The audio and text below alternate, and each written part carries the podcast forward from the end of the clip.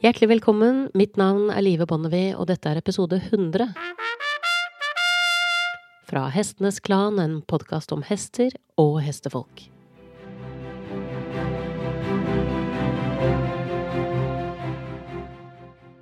Jeg har brukt mye tid på å planlegge denne episoden fordi jeg tenker at jeg vil markere episode 100 på en måte som er tro mot podkastens DNA. Jeg tenkte jeg skulle starte med å se litt bakover, men først og fremst vil jeg se fremover. Ambisjonen med dagens episode er rett og slett å forsøke å oppsummere hva alle hestefolk bør vite. Men før vi kommer så langt, så har jeg behov for å takke mine fantastiske gjester, som har delt av sin kompetanse og sine unike erfaringer. Denne podkasten hadde vært fattig uten dem. Jeg vil også takke alle hester og kloke hestefolk jeg har truffet på min vei, som på ulike måter har utfordret meg og beriket meg og indirekte bidratt til denne podkasten. Og jeg vil sist, men ikke minst takke både lesere og lyttere som har sendt meg meldinger på Facebook, Instagram og mail, der dere deler oppmuntringer, tanker, refleksjoner, bilder, videoer, kommer med innspill eller ber om råd. Og jeg vil særlig takke for alle tilbakemeldingene jeg har fått, som har minnet meg om hvorfor jeg har valgt å vie en ganske raus del av det som jeg pleide å kalle fritid, til dette podkastprosjektet de to siste årene. Tilbakemeldingene fra lyttere som har latt seg inspirere, bevege og engasjere, og som ikke bare har valgt å sette ord på det, men også har valgt å dele disse ordene med meg, har vært en viktig drivkraft de gangene hvor det har kjentes ut som døgnet har hatt lite grann for få timer. De tilbakemeldingene jeg virkelig har tatt til meg, er fra folk som forteller at de ser hestene med et helt annet blikk enn før, som uttrykker at de har fått større grad av indre ro og trygghet i hesteholdet sitt, at de har fått en dypere forståelse og en annen følsomhet overfor hestene, og ikke minst de som forteller at de har blitt mer bevisste og mer ydmyke. For er det noe vi kan trenge mer av når vi snakker om møtepunktet mellom hest og menneske, så er det nettopp ydmykhet. Det er på en dag som denne også umulig å la være å vende tilbake til min gjest Anna Blake fra episode 26, som i likhet med meg mener at vi står overfor et paradigmeskifte når det gjelder måten vi håndterer og forstår hester på. Et paradigmeskifte der kvinner ikke bare leder an, men oppfordres til å lede med selvtillit, fordi vitenskapen er i ferd med å bevise at vi har rett. Så til saken. Dagens episode er tredelt. Del én tar for seg svarene mine drøyt 30 gjester har gitt på podkastens signaturspørsmål, nemlig hva er det du har lært om hester som du mener det er viktig at alle som driver med hest, vet? I del to tillater jeg meg å oppsummere hva jeg selv har tatt med meg videre som de viktigste overskriftene. Og i del tre vil en forfatter og hestekvinne jeg aldri har møtt, stå for det som også for meg ble en tankevekkende avslutning. Dette er del én.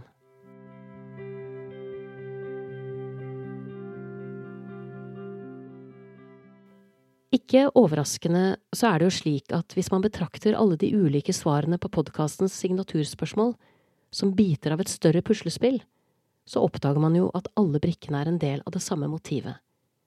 For på spørsmålet hva er det du har lært om hester som du mener er viktig at alle som driver med hest vet, så høres det samlede svaret omtrent slik ut.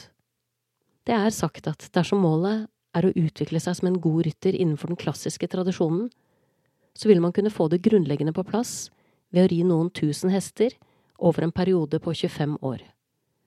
Dette er selvsagt å sikte altfor høyt for de fleste av oss, men det sier likevel noe om hvorfor mange med rette omtaler ridning som kunst, hvorfor man ikke skal ta lett på ansvaret som følger det å sette seg opp på en hest, og hvorfor det fortsatt er mange som anbefaler at moderne ryttere leser de gamle, klassiske mesterne, der minst én av bøkene strekker seg to og et halvt tusen år tilbake i tid. Med hester må man bygge sten på sten og være tålmodig. Det er ingen grunn til å henge med nebbet hvis man ikke når Grand Prix-nivå, eller hevder seg innenfor sin disiplin og sanker rosetter og bokaler hver helg. Å legge egoet, ambisjonene og ikke minst tanken på at hesten gjør seg vanskelig med vilje til side når man ikke får det som man vil eller oppnår det man ønsker, det er å rydde unna to faktorer som er svært hemmende i din utvikling både som menneske og som rytter.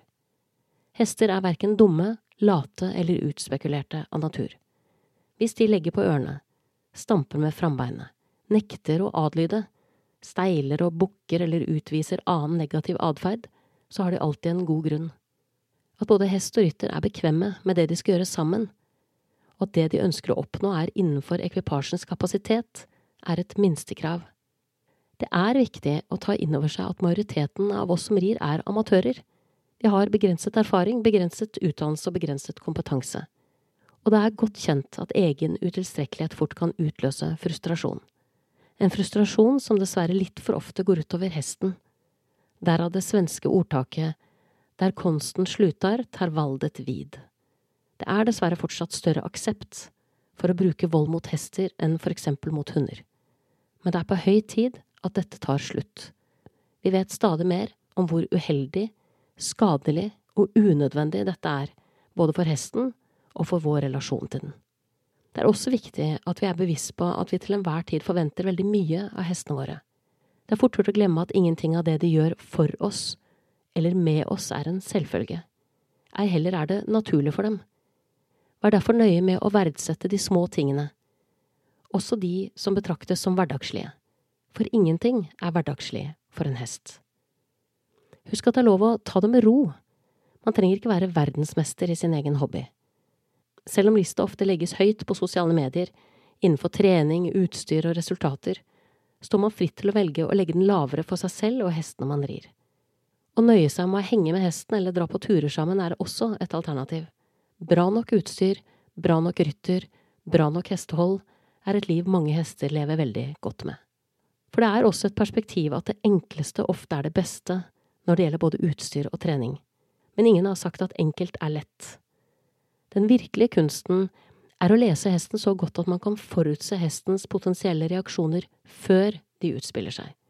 Å lese omgivelsene samtidig som man leser hestens signaler og energi, er en kompetanse som kan opparbeides, og som i mange situasjoner gjør det mulig å påvirke det som er i ferd med å skje, før det skjer.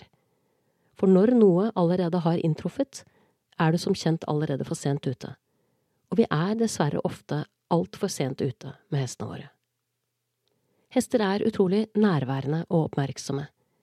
De får ikke bare med seg så godt som alt som skjer rundt dem, de får også med seg alt du gjør, og ikke minst alt du ikke gjør. Dermed trener du hesten din kontinuerlig, også når du ikke er bevisst verken på at du trener den, eller hva du trener den til. Hester dekoder alt vi eksponerer dem for, og lærer av alle pauser og fanger opp alle signaler de får av oss, også de som oppleves forvirrende. Så å være til stede 100% når du er med hesten, er ikke bare en sunn og viktig avveksling for deg selv i en travel hverdag. Det er også veldig viktig for hesten din. For våken tilstedeværelse, det betyr trygghet. Hesten har ofte blitt omtalt som lite intelligent, basert på hjernens størrelse i forhold til kroppsvekten. Men sannheten er at den delen av hjernen som kommer i spill når det gjelder læring, hukommelse og sosial atferd, er større på hesten enn på noe annet domestisert dyr. Og så intelligente som vi ynder å tenke at vi er selv, så kan det ikke være for mye forlangt at vi tar oss bryet med å sette oss inn i hvordan hester tenker og opererer. De er ikke rovdyr som oss. Følgelig er de ikke skrudd sammen som oss heller. Det er også viktigere enn mange tror å være autentisk når man er sammen med hester.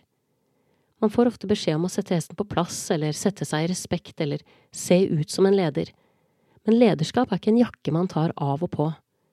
Dersom du føler deg sårbar eller usikker i møte med en hest, så vær sårbar og usikker overfor hesten. Vi må anerkjenne og kunne stå for hvordan vi føler det inni oss sammen med hestene, særlig når det gjelder følelser som redsel, sinne og frustrasjon.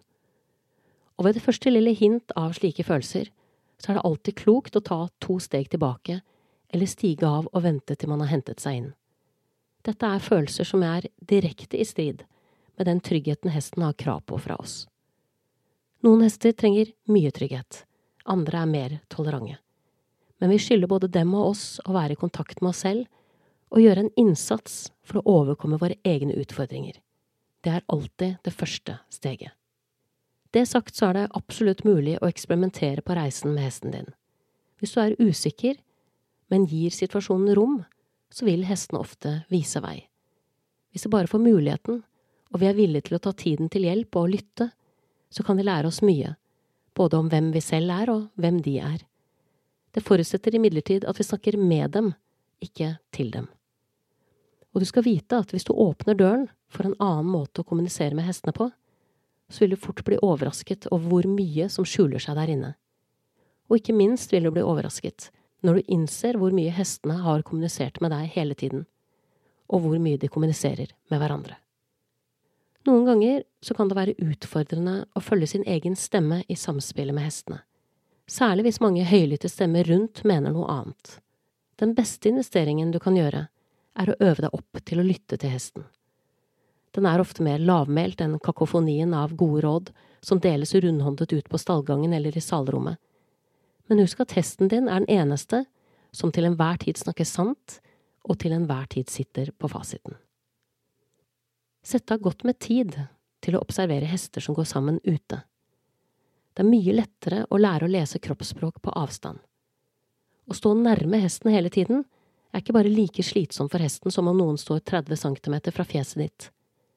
Det gjør det også krevende å lese kroppsspråk godt. Hender som hele tiden skal borti hesten og fikle, skaper også støy i kommunikasjonen. Gi hesten rom, og ikke dill mer med den enn du må. Noen hester liker kjærtegn, andre har bare valgt å tolerere dem. Det er veldig viktig å se forskjellen. Alle som rir, har drømt om å fare som en vind over et åpent landskap i strak galopp. Men man skal ikke undervurdere hvor fantastisk det kan være å tilbringe tid med hester uten verken å ha plan eller agenda. Det gjør ikke bare noe med oss, det gjør også noe med hestene våre og relasjonen vår til dem. Jo mer naturlig hestene lever, jo mer lærer vi av å observere dem. Viltlevende hester er absolutt beste alternativ. Flokker med hingster, hopper og føll er en god nummer to.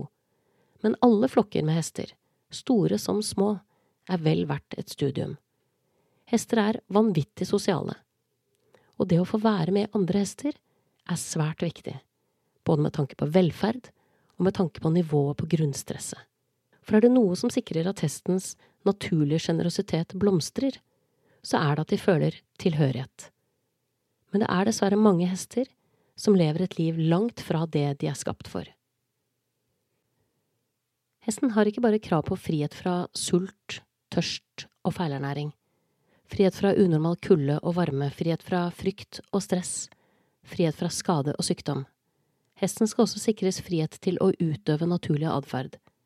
Men hva legger vi i naturlig atferd? Når det gjelder frihet fra sult, er det minst to ytterpunkter vi må være oppmerksomme på når det gjelder fôring. Hestens fordøyelse er ikke skapt til å håndtere store mengder kraftfôr. Ei heller er den skapt for såkalt fri tilgang på energirikt grovfôr fra en rundball hele døgnet. Fri tilgang for domestiserte hester er ikke naturlig, for hesten er ikke skapt for å spise uten å bevege seg. Det som er viktig, er at den har mat i magen hele døgnet. Maks fire timer mellom fòringene på dagtid er noe å navigere ut fra. På natten så produserer hesten mindre magesyre, så der er hyppige måltider mindre kritisk men det er svært viktig at vi vet nøyaktig hva grovfôr inneholder, så vi sikrer hesten en riktig sammensetning av næringsstoffer, og at den verken får for mye eller for lite mat. Både overvekt og undervekt har en svært negativ effekt på hestens helse. Det er vårt hele og fulle ansvar å sikre at hestene våre er sunne, friske og haltfrie til enhver tid. Inngående kunnskap om anatomi, fysiologi og biomekanikk er viktigere for hesteeiere enn for eksempel hundeeiere. I motsetning til hva tilfellet er for hunder, er de fleste hester bruksdyr. Bruksdyr som er forventet å bære eller å trekke oss, og det forplikter. Den gode nyheten er at hesten, for å sitere Svein Bakke i episode 25, er et fantastisk biologisk vesen, som alle hestemennesker vil ha stor glede av å studere fra innsiden. For det som skjuler seg under pelsen og bak hovveggen, er så sinnerikt så elegant og så genialt satt sammen at det kan få selv en ateist til å ty til ord som guddommelig.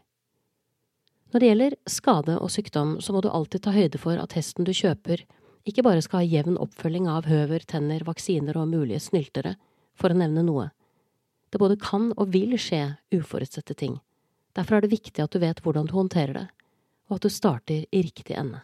Og riktig ende å starte i er å få stilt riktig diagnose og noen som har veterinærmedisinsk bakgrunn. Saken er den at det synlige symptomet ikke alltid avslører hvor problemet ligger. I hestesporten er det for eksempel mye fokus på frambeinshalthet, selv om problemet ofte ligger i bakparten. Det er der motoren sitter, og feil benstilling, feil trimming eller feil skoing bak kan gi problemer både i hase, bakknær og kryss, som deretter kan slå ut som frambeinsalthet fordi hesten prøver å kompensere. Uten riktig diagnose ved sykdom og skader, så kan vi verken diskutere eller gjennomføre en adekvat behandling. Riktig og god diagnostikk er ikke bare viktig for å stille rett diagnose så tidlig som mulig. Det kan være avgjørende med tanke på både velferd og behandlingsløp. En hest skal ikke slite med tilbakevendende halthet eller udiagnostisert sykdom uten å få faglig oppfølging. Utsagn som ja, sånn hadde hesten min det også, og da hjalp det med prikk, prikk, prikk, eller å prøve seg frem i et forsøk på å stille diagnose selv ved hjelp av elimineringsmetoden, er en helt meningsløs og altfor tidkrevende øvelse. Samme symptom kan ha helt ulike årsaker. Og akkurat som vi kan være proaktive når det gjelder atferd, så kan vi med hell være proaktive når det gjelder skader. Ved å trene hesten variert og målrettet med tanke på smidighet, balanse og styrke. Med hest er det alltid et mål at vi tar oss god tid, og vi kan med hell se ting litt an under trening. Men dersom vi merker at noe ikke stemmer under temming og trening av hest, så er det det motsatte som gjelder. Da bør vi raskt forsøke å komme til bunns i om det feiler hesten noe, og ikke minst hva vi kan gjøre med det. Når du velger å kjøpe hest, så er det også et ufravikelig krav at du har økonomi til å følge opp hesten, eller hestene, på en forsvarlig måte, og akkurat å råd til de faste utgiftene er ikke nok til å være hesteeier. Dersom man ikke har råd til å ta vare på hesten sin i både gode og onde dager, så har man ikke egentlig råd til å ha hest. Hvis jeg skal oppsummere essensen i det podkastens gjester har sagt i sum, så er essensen at ryttere som gjennom et langt liv aldri fanger opp hvor smarte, samarbeidsvillige og følsomme hestene er, de dør fattige. Hester har tradisjonelt måttet forholde seg til mye, men en del av det de har måttet forholde seg til før, bør de få slippe å forholde seg til i fremtiden. Her får du del to av dagens episode, i form av min egen oppsummering etter podkastens første to år.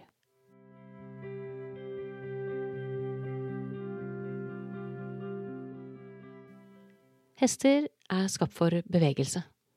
Hester trenger å tygge store deler av dagen. Hester trenger nærkontakt med artsfrender. Faller noen av disse brikkene ut, og det gjør det til en viss grad uansett hvordan vi velger å holde hestene våre, og uansett hvor mye vi anstrenger oss. Så blir det om mulig enda viktigere å stille følgende spørsmål. Hvis hesten ikke kan utøve naturlig atferd fullt ut, hvordan kompenserer vi best for behov som ikke er dekket, så vi sikrer hesten vår et liv som er verdt å leve? Å utdanne seg som rytter og høste erfaringer som hestemenneske er en livslang prosess. Og hvem vi velger å lære av, vil farge oss både som menneske og som ryttere. Å velge rett rideskole i første omgang, og deretter velge rett trener eller rette diskusjonspartnere, er blant de viktigste valgene du tar hvis planen er å holde et ridedyr på ubestemt tid. Velg bort trenere og såkalte eksperter som er raske til å ty til harde virkemidler og makt for å sikre progresjon. Et av de synligste og mest avslørende tegnene på et lavt kunnskapsnivå er at man er avhengig av å drive opp hestens adrenalinnivå eller utsette den for smerte og ubehag gjennom å sparke, rykke eller slå for å få resultatene man vil ha.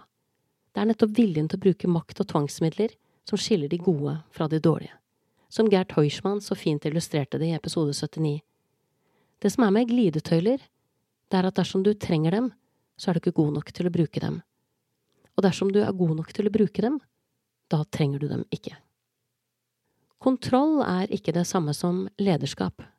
Det er snakket mye om at alle hester er følgere, men vi snakker ikke like mye om at det samme gjelder for oss mennesker.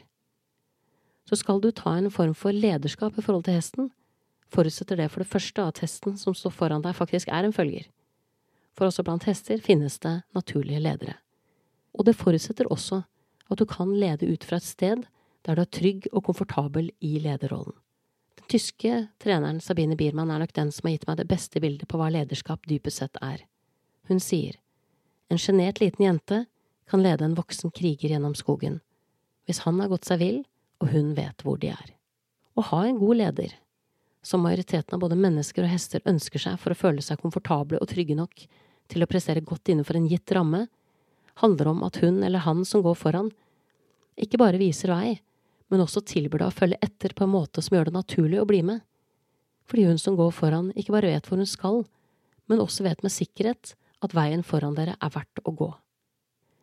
Jeg har avslutningsvis lyst til å si noe om vår briljante hjerne, som er konstruert til å ta snarveier på våre vegne flere ganger per dag enn det er mulig å telle.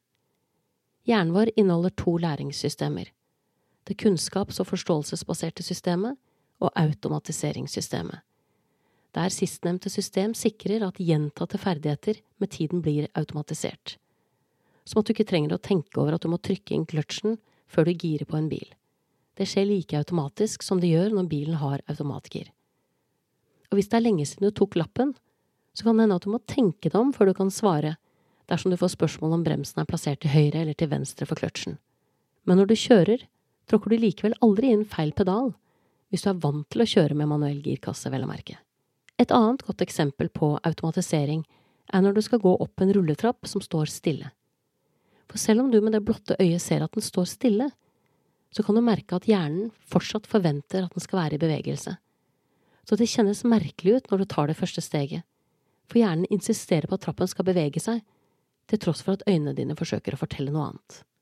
Vår evne til å automatisere og generalisere, som er to evner hesten ikke ser ut til å besitte, har som oppgave å sikre at mye av det vi gjør, går på autopilot uten at vi trenger å tenke oss om. Men når vi er sammen med hester, så trenger vi å møte dem med nærvær, i nuet. Og da kan vi ikke tillate oss å for eksempel sette et hodelag med bitt på en hest som står løs i boksen, uten at vi er bevisst på hver eneste bit av prosessen, hver eneste lille ting vi gjør. Det starter allerede når du henter hodelaget. Du kjenner læret mot fingrene, kjenner tyngden av hodelaget i hånden. Du lar fingrene gli over alle reimene for å forsikre deg om at det er fritt for skader og slitasje. Du kjenner på mykheten i læret og tar stilling til om det trengs å pusses og smøres. Du skyller bittet under springen for å sikre at det er rent og lunkent. Du slakker kinnstykket ut minst to hull, så det ikke kjennes ut som en olabukse som trekkes på uten at man har kneppet opp knappene. Du forbereder hesten på at du kommer, og er boksdøren lukket, åpner du den stille og mildt. Hvis hesten ikke kommer bort til deg, så er det grunn til å stille spørsmål ved om hodelaget i det hele tatt skal på. Men hvis den kommer, møter du den med stemme og berøring før du stiller deg ved siden av skulderen, som du også er opp men hvis den kommer, så møter du den med stemmen og med berøring før du stiller deg ved siden av skulderen, som du også er forsiktig med å unngå å blokkere. Du inviterer med å holde frem hodelaget og venter til hesten er klar, og du trekker deg hvis den ombestemmer seg eller trenger mer tid, før du inviterer igjen. Og dersom hesten fortsatt ikke er klar, er det ikke sikkert du skal ri den dagen. Og før du tenker ja, men da får jeg aldri ridd, så bør du heller spørre deg selv om hesten kan ha gode grunner for å takke nei til det du har å tilby. Men er hesten klar, så lar du den ta bittet selv, hvis du rir med bitt, før du trekker nakkestykket varsomt over ørene. Så tar du en kunstpause, før du forsiktig tar kinnstykket opp to hull igjen. Og hvis du rir hesten med nesereim, så sørger du for at den er minimum to fingerbredder fra neseryggen.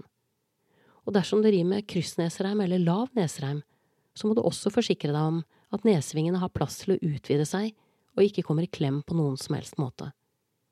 Og så takker du hesten for at du fikk lov å legge det på. Og denne måten å være i nuet på overføres til alt annet du gjør med hesten. Oppsaling, pussing, rensing av høver, bakkearbeid, oppstigning og ridning. Og nei, det er ikke slitsomt å være i nuet, men det kan oppleves som slitsomt å omstille seg fra autopilot til selvstyring. Det mest givende med å tilbringe tid med hester er jo ikke at vi endrer hesten.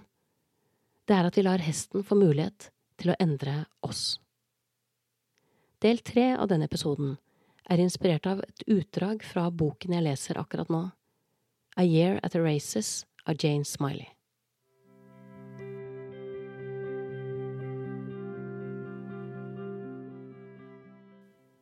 De fleste hester forholder seg til mer enn ett menneske, og mange av dem bytter ikke bare ryttere, men også eier én eller flere ganger i løpet av livet.